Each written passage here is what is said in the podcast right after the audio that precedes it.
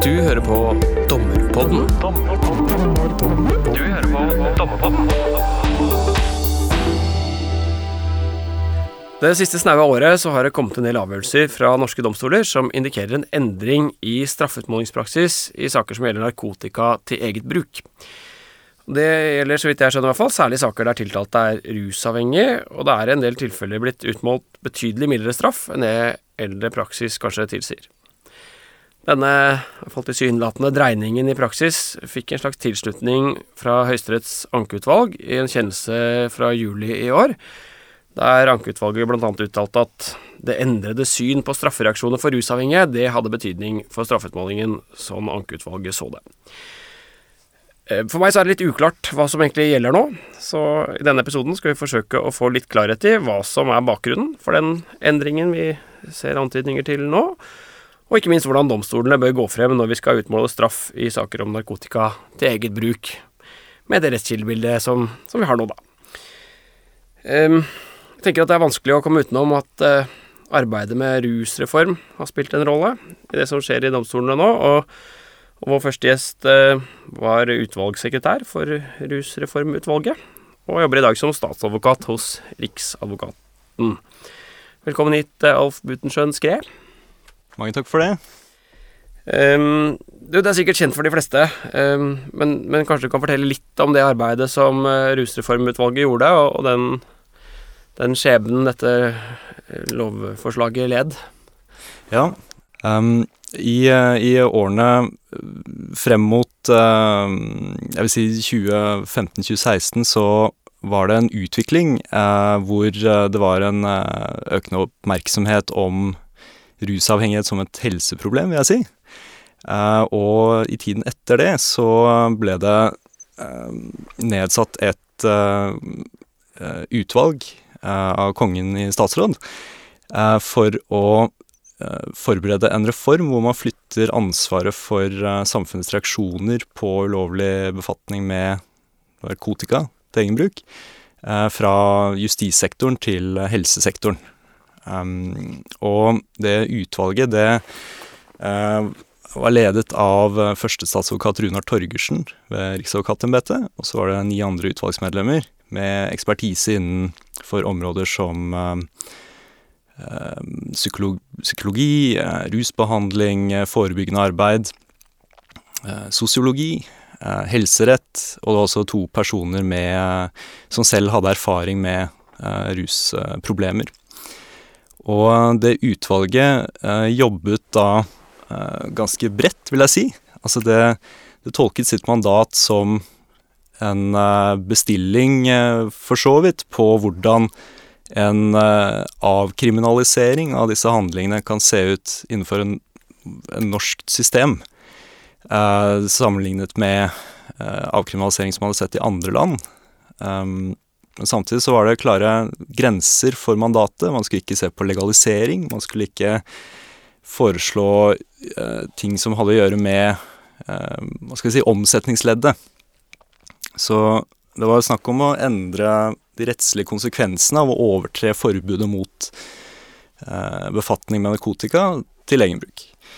Um, og utvalget la da fram sin eh, NOU om dette i desember 2019. Og siden så ble det da fremmet en pro proposisjon eh, våren 2020, hvor eh, regjeringen foreslo da for Stortinget å vedta en lov hvor man gjorde endringer i eh, legemiddelloven paragraf 31 og straffeloven paragraf 231 for å skape et straffritak for eh, befatning med mindre mengder narkotika til egen bruk. Og um, utvalget var ganske åpne på at den nærmere avgrensningen av dette straffritaket, altså i, i mengder, det, det, måtte nødvendigvis bli eh, skjønnsmessig og kunne justeres, så, så der ble det foreslått å gi en forskriftshjemmel. Eh, det ble også foreslått en ny sivilrettslig reaksjonsmodell eh, og nye sivilrettslige hjemler for politiet til å, til å, avdekke ulovlig narkotikabruk. Det som skjedde da i Stortinget, var at eh, det forslaget fikk ikke flertall. Men det, det, som kanskje har gått tapt for noen, som, som har slått veldig stort opp at rusreformen havarerte og at den ble skrotet osv., var at det, det kom tross alt et vedtak om lovendring ut av det. Stortinget vedtok å endre eh, straffeloven slik at det innføres en ny hjemmel for betinget bot eh, ved overtredelser av legemiddelloven eller straffeloven paragraf 231, som gjelder narkotika til egen bruk. Det ble også uh, vedtatt endringer i helse- og omsorgstjenesteloven, som pålegger kommunene å ha en uh, funksjon som kalles for rådgivende enhet for russaker. Um, og en endring i straffeloven som innebærer at man kan sette som vilkår for en betinget reaksjon at personen møter for denne rådgivende enheten. Så noe som ligner litt, kanskje, men, men eh, da sånn at det fortsatt er straffbart. Det er liksom det som gjelder. Ja. Eh, du kan si at et hovedgrep for utvalget var jo å fjerne eh, straffansvaret gjennom endringene i straffebudene som man foreslo. Det ble ikke vedtatt. I stedet så har man da endret på reaksjonssiden, kan man si. Og i forbindelse med det lovvedtaket, så, var det da uttalelser fra medlemmer av helse- og omsorgskomiteen, og også en, det ble innhentet en uttalelse fra justiskomiteen til, uh, til, innstillingen som ble lagt frem for Stortinget, hvor, hvor det var tydelig at det var et flertall som egentlig var for å slutte å straffe de personene som har tung rusavhengighet. Men, eh, men, man kom ikke i mål med noen lovendring eh, for å gjennomføre det lovverket. Nettopp. Um, dette kan vi kanskje høre litt mer om etterpå, Alf. Um, er, du er jo her dels som sekretær i dette uh, utvalget, og dels da som kanskje representant for, for påtalemyndigheten, på en måte. Men, men, vi har jo også da med en, en som uh, mer representant for forsvarssiden, kanskje. Du, du trenger knapt noen introduksjon, uh, Jon Christian Elden. Du er en av våre mest erfarne prosedyreadvokater, og stadig å se i, i skranken i Høyesterett, uh, har jeg hørt. Velkommen hit. Takk skal du ha. Um, hvor lenge har du holdt på som forsvarer nå, Ellen? Eller Jon Kristian? Ja. Nei, Det må være fra midten av 90-tallet. Har jobbet med ulike typer eh, straffesaker, og kanskje også særlig fulgt utviklingen i den type saker vi her snakker om, altså dette med narkotikapolitikken og narkotikalovgivningen. Kan du, kan du, kanskje du kan si litt om det? Altså, hva, har skjedd siden eh, midten av 90-tallet? Sånn hvis, hvis, du går tilbake til midten av 90-tallet, så har politiet i veldig stor grad på si, brukerjakt. Eh, de opprettet eh, saker og fikk løst saker ved å ta brukerne og gjerne tiltale dem for både erverv og oppbevaring og bruk av det samme grammet med hasjis, og få tre løste straffesaker. Det var, straffutmålingen var veldig knyttet opp til kvantum er lik straff, altså hvor man overhodet ikke så på rolle, eh, slik at det var akkurat det samme om det var en som solgte ti gram med hasj i skolegården, eller en som var langtgående bruker som hadde ti gram liggende hjemme under en ransaking. Det var både stofftypen og eh, mengden som avgjorde straffen.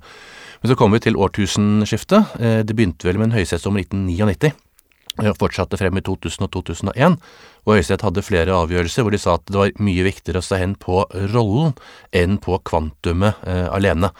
Eh, og i en, eh, en amfetaminsak fra 2001, som liksom var enden av dette løpet her, så halverte Høyesterett straffen fra hva lagmannsretten hadde ilagt, eh, fra, ja, fra 15 til 9 måneder. Eh, hvor lagmannsretten hadde utgangspunkt i kvantum, og Høyesterett sa at ja, men kvantum er ikke så viktig, det er viktigere eh, å se at vedkommende her er en langtgående narkotikabruker, og selv om da dette dreide seg om transport av narkotika, en større mengde med amfetamin, så sa de at det er naturlig og vanlig å forvente at personer som er involvert i narkotikamiljøene, også trekkes inn i den type virksomhet, uten at de av den grunn på en måte er slemme eller onde, eller har noen andre, altså kriminelle hensikter. Så det ble gjort den forskjellen hvor man så på rollen i mye større grad. Eh, og det har utviklet seg videre etter det tidspunktet, eh, hvor også det som kom ut av Rusreformutvalgets innstilling, selv om det, den ikke ble vedtatt på alle punkter, var jo at de fleste begynte å se at det var en forskjell på de som er involvert i narkotikavirksomheten med et profittmotiv alene, altså de som står bak ulovlige innførsler, bak store salg, eh, og de som kommer inn i prosessen på et senere trinn. Altså F.eks. når du kjøper ti gram, så må du selge fem gram videre til kompisene dine eh, fordi at du må finansiere de fem grammene du bruker selv. Altså Det er på en måte ikke det naturlige man kaller et profittmotiv i saken.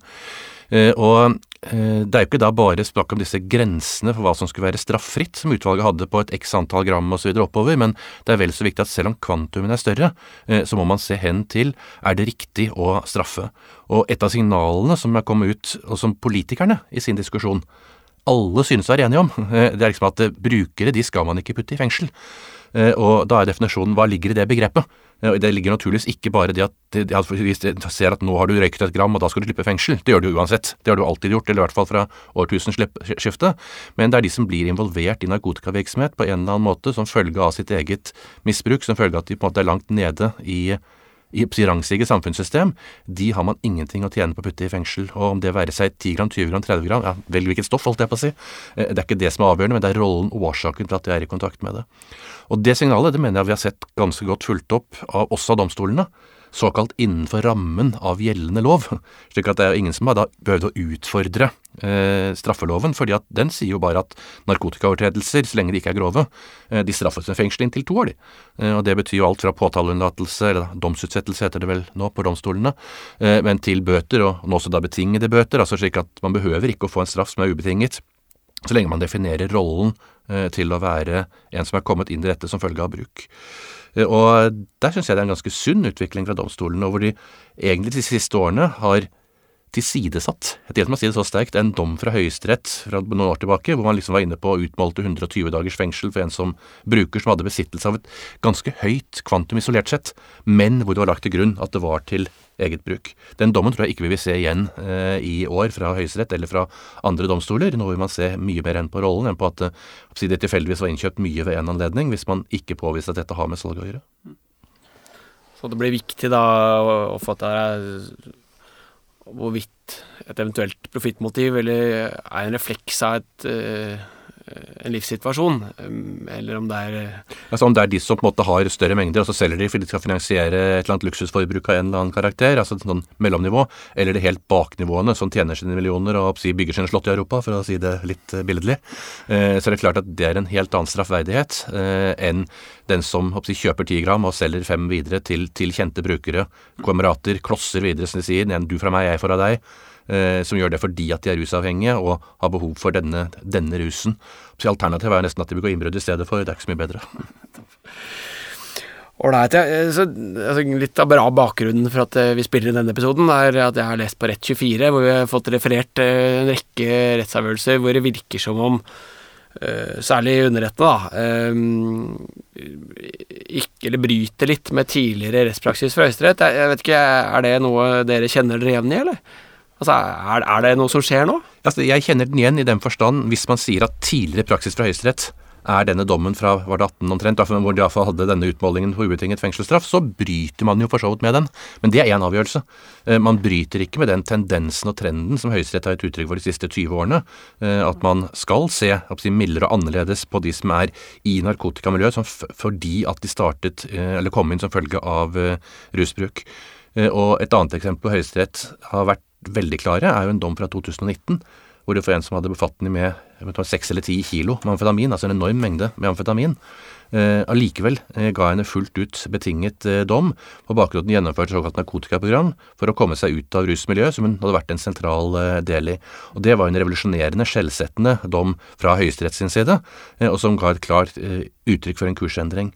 Så jeg vil ikke si at Høyesteretts si, praksis er brutt med underrettene nå.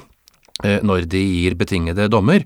De har mer fulgt opp Høyesteretts ånd, og de har fulgt opp deler av de dommene Høyesterett har kommet med. Og den som Høyesterett hadde nå i juli i år, eh, nettopp Frank-utvalget, hvor de sier at det, det, er en utvikling. Ja, Det er jo på en måte en konstatering av hvordan verden er rundt seg, for å si det sånn, uten at det er Høyesterett selv som har sagt så mye om det i uh, nyere dommer. Mm. Mm. Ja, jeg, jeg er jo langt på vei enig, enig i det du sier, Jon Christian. Jeg, tror at Eh, det er ikke til å legge skjul på det at underrettene nå foretar en justering av kursen, eh, og at uh, Høyesteretts ankeutvalg nå i sommer har måtte, gitt en, en, form for godkjenning av det. Uh, og så er spørsmålet Nå er vi på en måte Det har skapt et litt sånn rettsåpent rom nå, hvor det er litt uklart akkurat hvor vi lander med det nye straffenivået som det da er gitt en form for uh, bestilling på, vil jeg si. Um, men, men hva, hva, betyr det egentlig, altså, når de sier at synet på straffereaksjon for rusavhengige har endret seg, og at det er relevant? Altså hva slags Hva, er Høyesterett tenker på da? Altså Er det denne, det som Christian snakker om, eller er det den debatten i Stortinget i forbindelse med rusreformen, eller hva? Jeg må, må skyte inn der at det er jo hele tiden oppsi, domstolen som er i førersetet. Det var det også når straffene for innbrudd ble endret, både oppsi, opp og ned. Eh, gå ja, 20-30 år tilbake i tid så var det liksom et halvt års ubetinget fengsel for et enkelt innbrudd, og plutselig så var det nede i en 20-21 dager. Og det var domstolene selv som styrte dette, med underrettene i bunnen om at det var urettferdig eller for streng straff. Og så har det gått opp igjen nå, etter, i de siste årene på innbruddsdelene, fordi at det går utover privatmennesker i veldig stor uh, utstrekning. Men det er jo domstolen som hele tiden styrer dette innenfor en formell, abstrakt strafferamme på seks års fengsel. Uh, og det er jo det samme narkotikasakene. De har for de mindre sakene strafferamme på to år å forholde seg til. Eh, for de mer alvorlige er de opp til 21 år, for all del. Men altså, de vi liksom snakker om her, eh, så har de en strafferamme å forholde seg til. Men de behøver ikke bevege seg opp i det øvre sjiktet av den hvis man står overfor personer som egentlig ikke har noe i fengsel å gjøre. Hvor du også vet veldig godt at det fengselsoppholdet, det hjelper ingenting på å få vedkommende til å avstå fra å bruke narkotika. Det vil i beste fall være slik at man en kortere periode ikke får rust seg, eh, for så å komme ut igjen. Eh, selv om du kan stille spørsmål det også, for eh, det er jo mange som sier at det er lett å få narkotika inn i fengselet, og da er det jo en bjørnetjeneste til alle andre i fengselet som ikke er narkotikabrukere, som ikke har det store behovet, som blir utsatt for en slik eksponering. Ja, altså Med tanke på ja, historiske eksempler på justeringer av straffenivået i domstolene, så, så er det jo også det kjente eksempelet med seksuallovbrudd.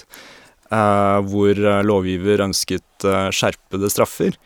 domstolene var ikke så interessert i utsagn om dette som kom i budsjettinnstillinger osv.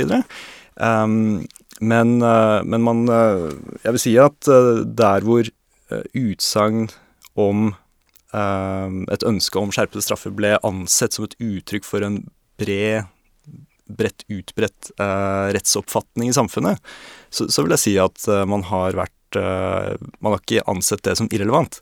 Eh, heller ikke i tidligere høyesterettspraksis. Men der hvor det er til ugunst for den tiltalte, så har man selvfølgelig vært forsiktig med å legge vekt på det. Um, annerledes eh, kan det nok være der hvor dette er til gunst for den tiltalte, og der hvor lovgiver eh, ikke bare sier at man ønsker en justering av straffenivået, men også går så langt som å si at for en bestemt gruppe så anses straff som svært lite hensiktsmessig. Um, da, da, kan man jo forstå at endringen blir litt mer drastisk enn det som var tilfellet i uh, saker om seksuallovbrudd, uh, der hvor det jo skjedde en gradvis justering av straffenivået. Um, men det er likevel en likhet der i at uh, også før rusreformdebatten i Stortinget nå i våres, så var det merknader i uh, budsjettinnstillinger fra helse- og omsorgskomiteen uh, i jeg tror det var 2017-2018, hvor man uh, på en måte ga en prinsipiell tilslutning til det å flytte straffereaksjoner fra justissektoren til helsesektoren. Um, men jeg har ikke sett at, at domstolen har lagt vekt på det, slik man heller for så vidt ikke la vekt på slike uttalelser i budsjett innstillinger når det gjaldt seksuallovbruddssakene. Men når det nå altså har kommet inn i en innstilling i en lovsak, eh, så har man lagt vekt på det. Eh, og da har man altså ikke ventet til lovendringene som den innstillingen gjelder, eh, trer i kraft, som skjer 1.7 neste år. Man har, man har grepet rett til det. Antageligvis pga. den forskjellen mellom om noe er til gunst eller ugunst. Ja, det er vel også et poeng i den sammenhengen at når man bringer inn andre sektorer, som her helsesektoren, så må jo de på en måte være med på dette spillet på en eller annen måte. Og det er klart at ingen ønsker liksom å ha ansvaret for de narkomane. Det er veldig fint å slippe det. Eh, og Derfor har helsevesenet vært lite villig til å ta imot i mange av disse tilfellene. Og det er mulig at man må ha litt kraftigere eh, krutt der, på samme måte som man gjorde i psykiatrien, eh, hvor jo domstolen etter hvert fikk en hjemmel til å tvangsinnlegge personer i psykiatrien i stedet for varetekt, hvis domstolen mente at det var grunnlag for det, selv om helsemottaket sier at de ikke vil ta imot. Og det er mulig at man må se litt på det samme i eh, narkotikasakene, at det skal være en slik mulighet til å tvangsoverføre eh, til helsesystemet, at det kan løse noe av dette, istedenfor at man faller mellom to stoler. Men vi får se hvor langt dette går på frivillighet og god vilje, eh, men det vet vi litt om ennå. Nettopp. Ålreit, um, men, men, nå har iallfall um, vi fått en, et signal da, fra Høyesterett om, uh, om, at det er et endret syn på straffereaksjoner for uh, rusavhengige, og det er noe vi må ta hensyn til. Og så Eh, jeg var enig med deg, Jon Christian, at eh, det er klart domstolen er i førersetet, men, men likhetstankegangen tankegangen da, tilsier jo at kanskje vi, vi som sitter litt ned i domstolshierarkiet, venter litt på, på hva som skjer i Høyesterett. Og så, så, har vi kanskje fått et lite dytt da nå i, i den retning at eh, for noen i hvert fall så, så, skal straffene reduseres. Men så, så spørs det jo hvor raskt du greier å få noe til Høyesterett på dette. For jeg ser ikke helt for meg at uh, Riksadvokaten f.eks. skal stå i Høyesterett og argumentere for strengere straffer enn det som er gitt av lagmannsretten i en eller annen konkret uh, ankesak. Disse sakene vil være helt mot det grunnsynet som både Riksadvokaten uttrykk for i høringsuttalelsene i disse sammenhengene her, men også det som da en rekke domstoler har lagt seg på i ettertid. Eh, så det blir jo spørsmål om det er Høyesterett som kommer til å på en måte gi en ny førende avgjørelse her, eller om det er denne massive sammensetningen av ulike avgjørelser fra lagmannsrettene og tingrettene som bare har etablert et nytt nivå, slik Høyesterett jo la til grunn i sommer, hvor de på en måte bare uten noe videre drøftelse at domstolene har endret praksis, og det er jo da ikke dem selv, eh, men de underordnede domstolene. Nettopp. Jeg vet ikke om du vil kommentere det, altså det er kanskje vanskelig for deg å si noe, men, men hos Riksadvokaten, er dette, hvordan forholder man seg til det som ser ut til å være en, en slags kursendring i domstolene? Ja. Kan du si noe om det, eller? Altså, eh, Jeg vil ikke si noe om, om konkrete saker eh, som, som, er verserende nå, men, men, eh, det jeg kan si er jo at Riksadvokaten Det er, det er riktig at Riksadvokaten ga etter atskillig overveielse ga, ga sin prinsipielle tilslutning til, til forslaget om rusreform som ble sendt på høring. Um, og, men ga samtidig da uttrykk for at, at det var nødvendig uh, med et mer forpliktende opplegg på den sivilrettslige siden enn det rusreformutvalget la opp til. Uh, da, da, forslaget kom til Stortinget, så var det også da skrudd tillit av regjeringen, slik at det var uh, innført en gebyrsanksjonering av brudd på den sivilrettslige oppmøteplikten, som ville være reaksjonen på på uh, overtredelsen. da. Ja, du skulle få en trafikkbot, liksom, hvis du ikke møtte opp hos legen i etterkant? Trafikk, uh, ja, du får et type gebyr for ikke uh, unnlatt ja, oppmøte av et eller annet slag. Og så ja. når det gjelder de, den utviklingen som man har sett nå, for så vidt før og etter høyesterettsavgjørelse i sommer, så, så, er jo Riksadvokaten kjent med den utviklingen. Samtidig så, så er dette så saker om straffeloven § 231 Der har jo politiet påtalekompetansen. Eh, og, og, dette er ikke en sakstype som kommer inn til Riksadvokaten som en del av den løpende saksbehandlingen. Um, og Riksadvokaten har, uh, har, ikke sett det som nødvendig i denne situasjonen å, å gripe inn i enkeltsaker eller gi bruke sin myndighet til å gi direktiver om hvordan påtalemyndigheten skal uh, nedlegge påstand i disse sakene. Uh, samtidig så ser man jo et behov for å, å, få en type avklaring. Um, og med den omsetningen av, av, saker som man har på, av den typen, så, så, ser i hvert fall jeg det personlig som, som er ganske sannsynlig at man vil få en, en slik type avklaring eh, innen relativt kort tid. Men eh, hva, hva, og når Hva som skjer og når det skjer, det er selvfølgelig vanskelig å si noe konkret om. Det, det, jeg da håper i den sammenhengen, er jo at det i så fall blir en sak, hvis den kommer inn noe for Høyesterett, eh, at den blir sett så prinsipiell at eh, Riksadvokaten selv går med den i Høyesterett, nettopp få markeringen fra hva øverste påtalemyndighet måtte mene om den type saker, litt fristilt ut fra tidligere avgjørelser. Vi, må snakke litt om hva som gjelder nå, fordi, altså, og det er litt sånn i forlengelsen av det du sier, Alf. Altså at Eh, dette er liksom Det er masse, masse, av disse sakene, ikke sant. Og, og, og min litt sånn anekdotiske erfaring med dette er at eh, akkurat nå, i disse månedene som har vært nå, så er det litt sånn tilfeldig hva aktor egentlig ber om. Noen aktorer sier at nei, vi kan ikke bry oss om en uh, enkelt avgjørelse, en slengbemerkning en ankeutvalgskjennelse. Uh, Andre sier at dette må vi forholde oss til at nå er det et nytt straffenivå som gjelder. Og man kan også tenke seg at uh, det vil være litt sånn tilfeldig hvilken dommer du får. ikke sant? At noen dommere tenker at nå er det noe, nå er dette som gjelder, og andre tenker at det er noe annet som gjelder. Så, så det er jo litt sånn lite tilfredsstillende, eh, syns jeg i hvert fall. Så vi, kanskje vi kan Vet ikke om dere det er kanskje ikke så lett å mene, men hva er det som Hva er gjeldende rett nå når det, når det gjelder straffeutmåling for narkotika til eget bruk? Altså hva Er det sånn at vi ikke skal bruke ubetinga fengsel hvis vi legger til grunn at dette er til eget bruk? Det som gjelder nå, og for hvem? Er det noen som tør å si noe om det? jeg kan ha noen tanker rundt uh, akkurat det. Jeg tenker at i den grad befatningen med narkotika altså det, Slike saker kommer jo normalt sett ved at jeg tatt i beslag i et eller annet. Det er veldig sjelden det er på en måte av andre grunner. Er det andre grunner, så er det en eventuelt forklaring, og da skal man i hvert fall ikke si, være overstreng. Eh, men hvis man har et beslag, så er jo spørsmålet hvorfor er det beslaget der hos den personen? Hvilken befatning har vedkommende med dette beslaget, eh, og hvor domstolen må bruke de samme strenge bevisbyrderegler som ellers gjelder for skyldspørsmålet, knyttet opp til hvilken rolle vedkommende har. Det sa jo Høyesterett eh, allerede på ja, begynnelsen av 2000-tallet, at beviskravet til, eh, til rollen er det samme som beviskravet til om man i det hele tatt er skyldig. Og Særlig jo dette, hvor dette får stor betydning for utmålingen, så må man være seg bevisst det.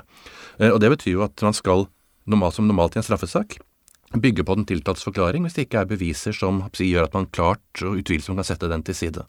Og Da vil jo mange slike saker ende, da, hvis politiet ikke har etterforsket det med noe særlig grad, eh, ende med at ok, her legger vi til grunn, dette var si 100 gram hasj, det var 20 gram amfetamin eller noe som var det, men han bruker dette her, og det er, det er på en måte til han og hans eh, eventuelle venner som måtte være på besøk i et etablert miljø, ja da skal man normalt ikke bruke ubetinget fengselsstraff. Det har ikke noe for seg eh, å bruke ubetinget fengselsstraff i en sånn sammenheng.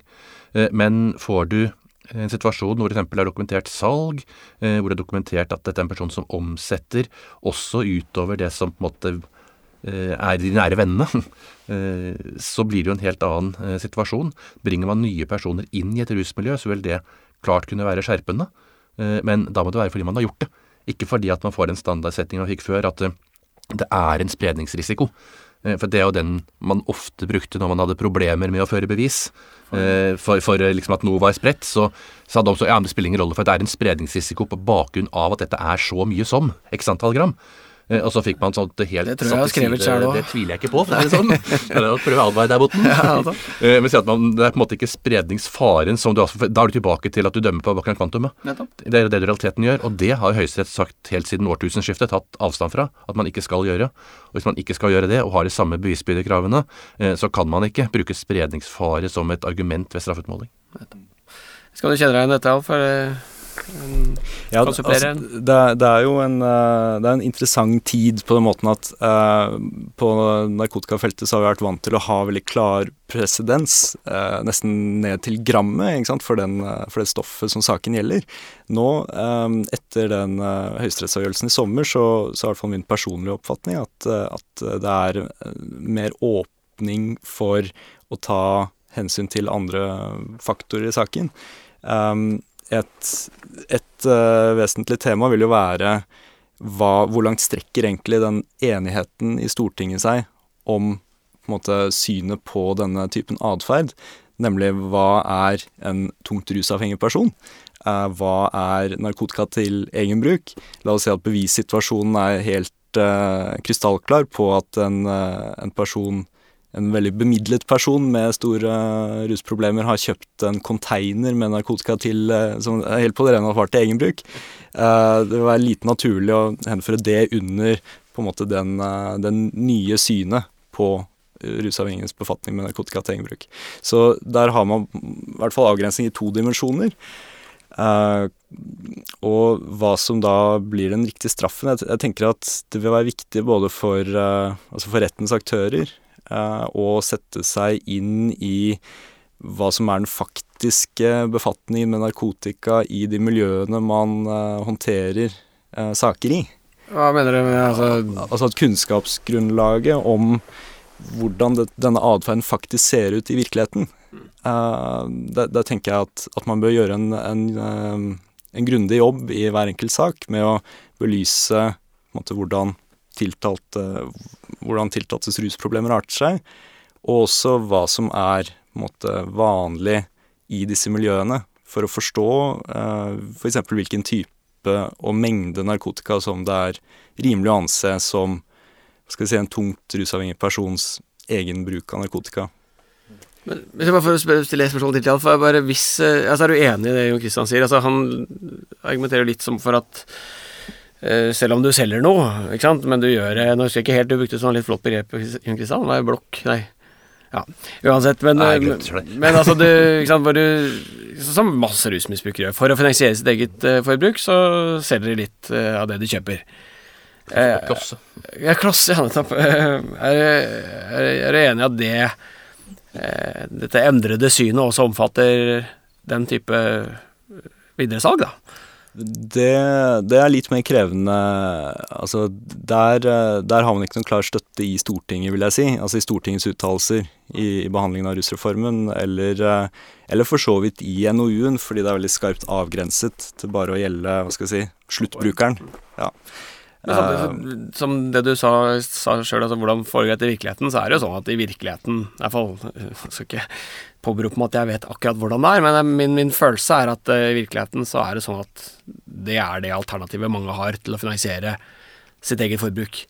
Sånn at hvis du skulle måtte ta den sjukdommen på, på alvor, ja, så, så, må du på en måte også ta det, den liksom, de mindre tilfellene av salg, da. Men jeg vet ikke om Altså det, du kan der, tenke litt høyt rundt det. Der, der tror jeg nok at også, også før uh, i år at man har sett en, en endring i rettspraksis i, i, bruk av type betingede reaksjoner eller uh, sant, narkotikaprogram med domstolskontroll i saker hvor, hvor, folk er involvert i, vidt i omsetning, men hvor personen selv har et alvorlig rusproblem. Da. Uh, så, så, så, der har det nok vært en liten endring, i hvert fall sammenlignet med, med liksom årtusenskiftet.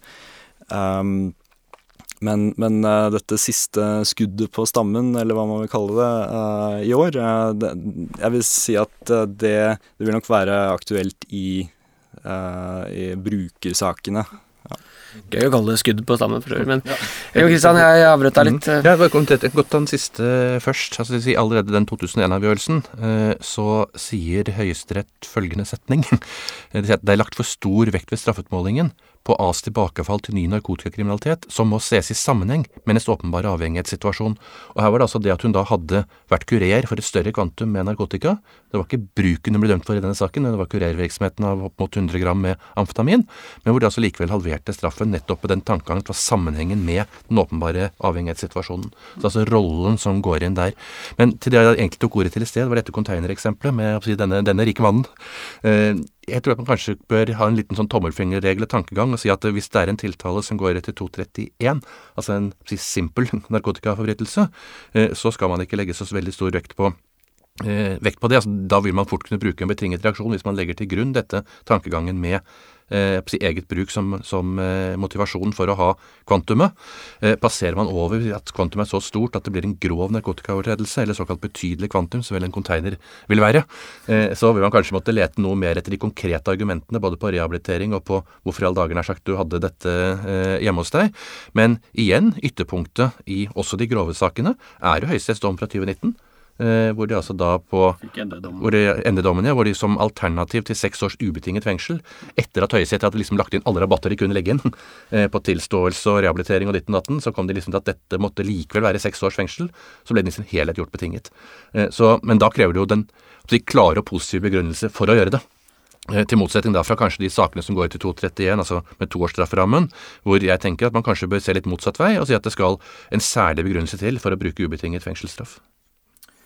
Uh, hvis jeg kan uh, kommentere på det, så, så, tror jeg nok at um, altså vi, Grunnlaget for denne justeringen i, i straffenivået er jo, er jo, at man ønsker å følge opp signaler fra lovgiver. Og, og jeg tror at i, i, behandlingen av forslaget til en rusreform så fikk jo dette med de såkalte terskelverdiene, altså hvor grensen for straffritak skulle gå, uh, som um, Eh, utvalget foreslo vel fem gram eh, for heroin, som, som, jo er sentralt i de sakene vi snakker om nå, den nye rettspraksisen. Og det ble jo eh, lavere i, i proposisjonen. Um, så, så, tror jeg nok at uh, det vil være uh, det står i hvert fall sentralt for lovgiver da, ved den behandlingen der og, og i høringen av forslaget. Så, så å gå utover de forslagene der, det, det, vil kanskje være vanskelig, men, men er vil vi jo kunne se hva domstolene gjør med dem. Å jeg, ser en veldig forskjell på si, tre ord. Eh, det er legalisering, det er avkriminalisering og det er bruk av betinget fengselsstraff. Det er tre forskjellige eh, situasjoner. Eh, og er nok blant de som er skeptisk til legalisering i seg selv, altså at det skal bli vanlig og lovlig. Men veldig for avkriminalisering av de mindre kvantumene, rett og slett for å frigjøre både politi og domstolene for mye av si, unødvendig arbeid for å putte folk i fengsel som ikke hører hjemme i fengsel. Og politiet vil prioritere innsatsen sin på andre områder. Det er der den terskelverdien eventuelt skal ligge. Altså de som man ikke bringer inn i rettssystemet eller politiapparatet i det hele tatt, men eventuelt flytter over til denne sivile tilnærmingen. Eh, og det er klart at eh, terskelverdien for når man skal bringes inn i rettssystemet, må være en annen enn for der man skal bruke fengselsstraff. Eh, slik at dette som det var fem gram, eller antall gram som lå i bunnen av ulike typer stoffer, for grensen på hva som skal kriminaliseres, er én ting. Men jeg tenker at det er fortsatt ikke behov for å noe, bruke noe annet enn en betinget reaksjon ganske langt opp, så lenge det er eget bruk som er tema saken. Og det er jo ikke bare Stortinget stortingspolitikerne som har ment noe om dette. De, eller på en annen måte, de mener noe om det fordi at de har fått veldig mange signaler fra de av oss som jobber i dette. Både på påtaleside, politiside, forsvarerside, men ikke minst på fengselets side. Om at det har ikke noe for seg at Topsi Petter kommer igjen her etter hver, hver tredje måned for å ha avrusing i fengselet. Eh, det er liksom ikke det som hjelper verken strafferettspleien eller kongeriket Norge videre. Eh, så derav den rolletankegangen. Og så ligger det da alltid i den tankegangen at hvis man har kommet så høyt opp at man får en betinget reaksjon, eh, så vil man jo ha den risikoen for å måtte sone det senere hvis man forgår seg på nytt igjen på en eller annen alvorlig måte. Da tenker ikke jeg på at man tar seg en blås, men jeg tenker på om man på en måte gjør noe som igjen da kommer i et sånn grenseland opp mot at man skal i eh, fengsel. Da må man se om det går an å gjøre dette på en annen måte enn en betinget reaksjon, f.eks. med et eller annet eh, tvangsbehandlingsopplegg eh, bak, eh, men i verste fall naturligvis måtte være i fengsel, hvis det er slik at det er den si, domfeltes onde vilje som ligger bak dette, og ikke bare at man har et medisinsk grunnlag til at man ikke greier annet. For det, det, er noe med det, Så det er liksom paradoksalt på en måte at man altså Betinga fengselsdom vil jo ikke hjelpe så mye hvis du, hvis du skal fullbyrde den fengselsdommen med en gang noen russer seg, i hvert fall hvis vi snakker om tunge rusmisbrukere.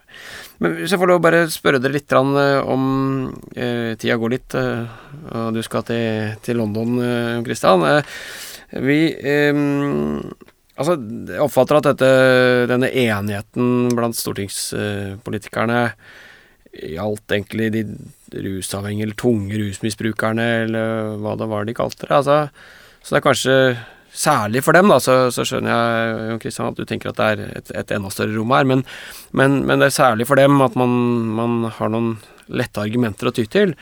Men, men, hva, hvem er det som er tung rusavhengige? Eh, altså, hvordan skal, vi, hvordan skal, man avgjøre det?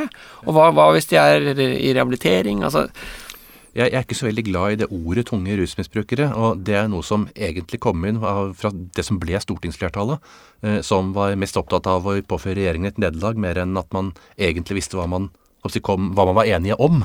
Eh, men det var jo da et flertall, eh, i utgangspunktet et av de regjeringspartiene som fremmet forslaget om rusreformen, eh, var, stemte jo mot i Stortinget fordi de tilfeldigvis hadde gått ut av regjeringen i mellomtiden. Og det er klart Da blir det veldig mye politikk i dette her, mer enn det blir en reell eh, behandling, og hvor man lar de som bruker narkotika, egentlig ofrer dem for å få en politisk gevinst. Eh, og det er jo problemet også at det som er blitt dagens regjering, eller morgendagens regjering, om jeg bruker det ordet, de er jo heller ikke enige om hvordan de skal gjøre dette. De sier bare at ja, ja, vi må ha et eller annet som avgrenser med festbrukerne kontra rusbrukerne, uten at man har noen rettslig eller annen mulighet til å foreta en omdefinering. Jeg tror nok at det blir vanskelig. Eh, samtidig så er vi jo allerede der i dag at det man kaller festbrukere Altså, de ender jo ikke i fengsel likevel. Eh, de, altså, de, de, vil få en bot som de faktisk betaler, og så er de på en måte ferdig med det, hvis det er det nivået man snakker om. Så jeg ser liksom ikke at det er der det store problemet ligger for strafferettspleien.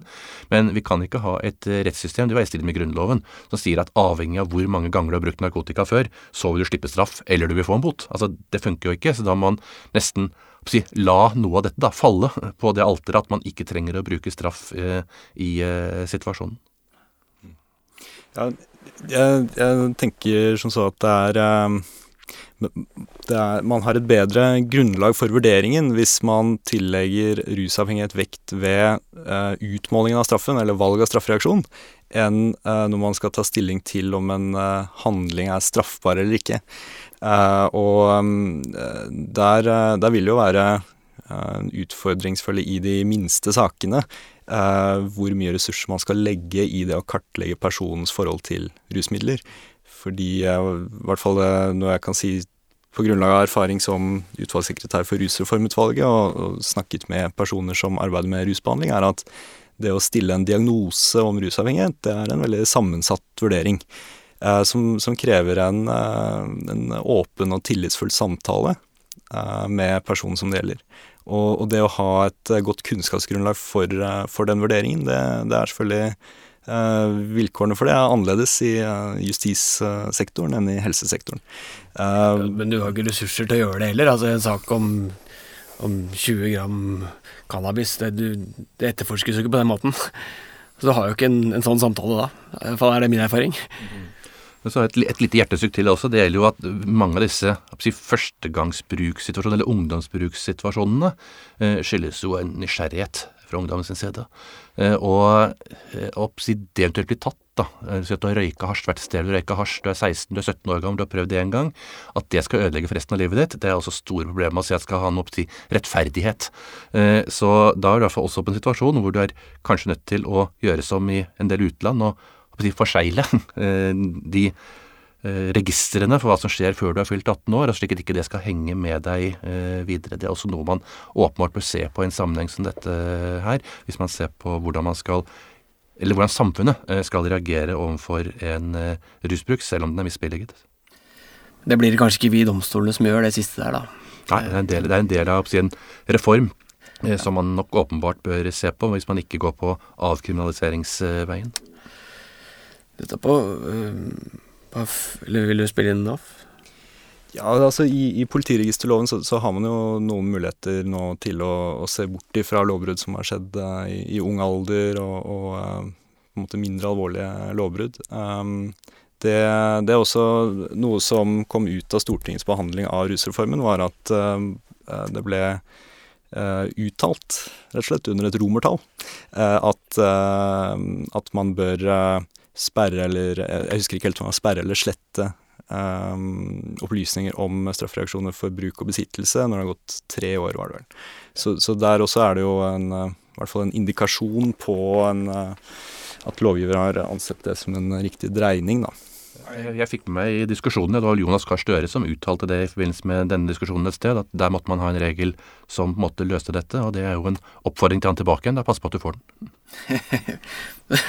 Spørs om han hører på Dompodden, da, men Å oh, jo, det er jeg helt sikker på. Det. han bør det.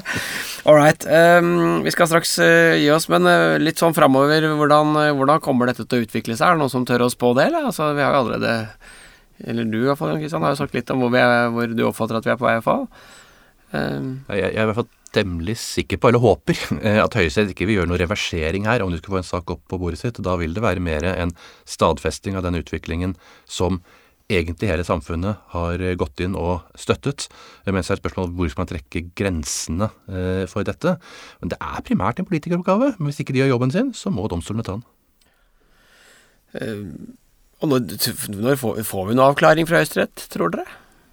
Altså, nå, nå og, og, når? Er det kanskje, er umulig å svare på, kanskje, men jeg, jeg, jeg, tipper vel at uh, påtalemyndigheten ikke kommer til å stå i førersetet på å anke inn disse nye dommene og nye sakene til Høyesterett.